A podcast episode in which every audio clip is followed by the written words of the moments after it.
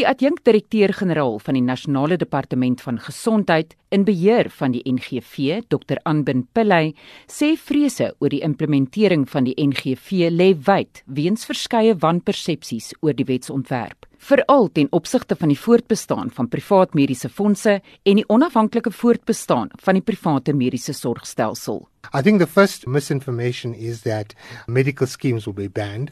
They will continue to exist. But clearly, when the NHI is fully implemented, you will be participating in a system that you've already paid for through taxation. And so a medical scheme cannot bill you for the same services through the fund as well. Medical schemes will have what we call complementary cover. The second thing is that the private sector will remain independent of the public sector, and so they will still own their own businesses and conduct their businesses like they choose to. So people could go to the private sector if they're contracted to the NHI, or if they're paying cash, or if their medical scheme contracts that particular private sector player. Maar Dr Pillay wil veral ook die wanpersepsie oor hoe Suid-Afrikaners vir die NGV belas gaan word in die kiem smoor. The National Treasury is working on a regime in order to make sure that the NHI is adequately financed, but getting the balance right and making sure that households are not going to be excessively taxed.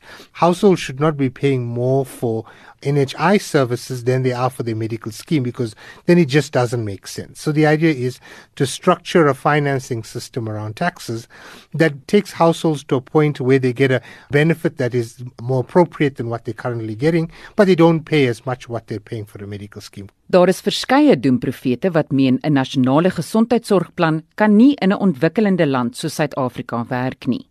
Maar Dr Pillay sê die regering is optimisties oor die sukses van die NGV en die verskil wat dit in mense se lewens gaan bring. There are many developing countries that are a similar level of wealth as ourselves that have implemented the national health insurance. Examples such as Thailand, Turkey, Mexico, Brazil, etc., have all implemented universal health coverage in various forms of the national health insurance. Daar is ook kritici wat sê in die huidige wankelende ekonomiese toestand waarin Suid-Afrika homself bevind, is die land se koffers eenvoudig te leeg om 'n nasionale gesondheidsorgplan te kan implementeer. We had a conversation with the British Department of Health, and they shared with us that they started their national health insurance system during the Depression. So they actually were not in a very good financial space. The important thing to bear in mind when you have an economic constraint is to make sure that the package is progressive. So, in other words, you don't try to do everything all at once, but you slowly expand the package as you develop the services and your economy starts growing.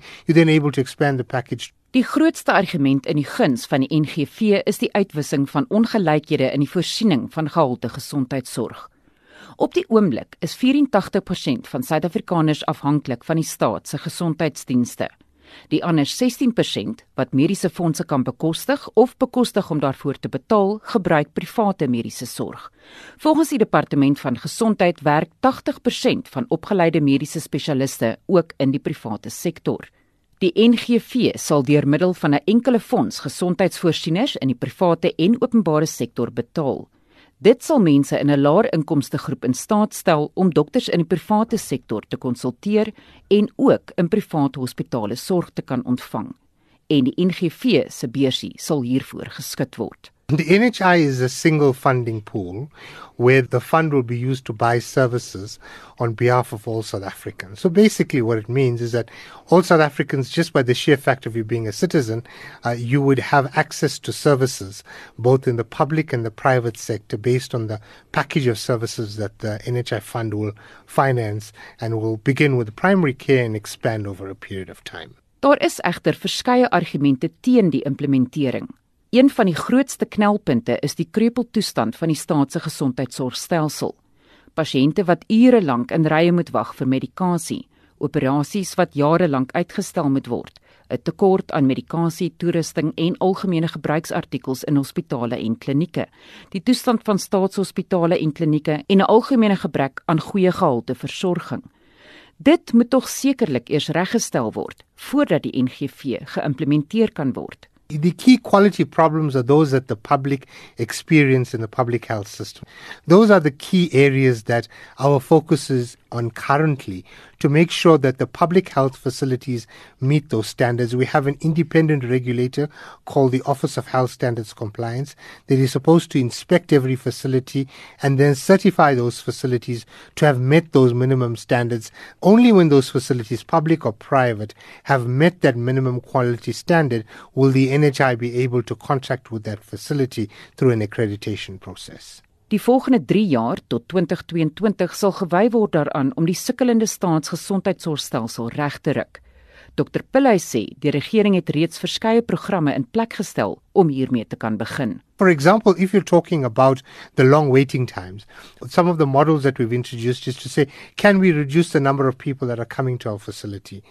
Many people come into our facility simply to collect medicines. So we've introduced the centralized chronic medicine dispensing and distribution model. This model will allow patients to collect their medicines at the local pharmacy, the local GP, or even collect it at the church that they go to.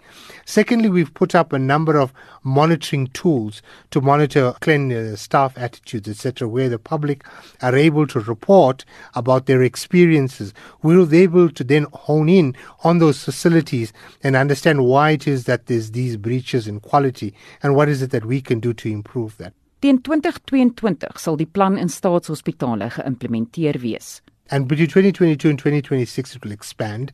It will then include private facilities as well. Obviously, those would obviously have to be certified by the office in order for, for us to do so. Talle pasiënte is bekommerd dat wanneer die plan geïmplementeer is, hulle van hul keuse ontneem sal word om 'n spesifieke dokter of spesialis te kan raadpleeg. The patients will start at primary care level and you will choose your GP.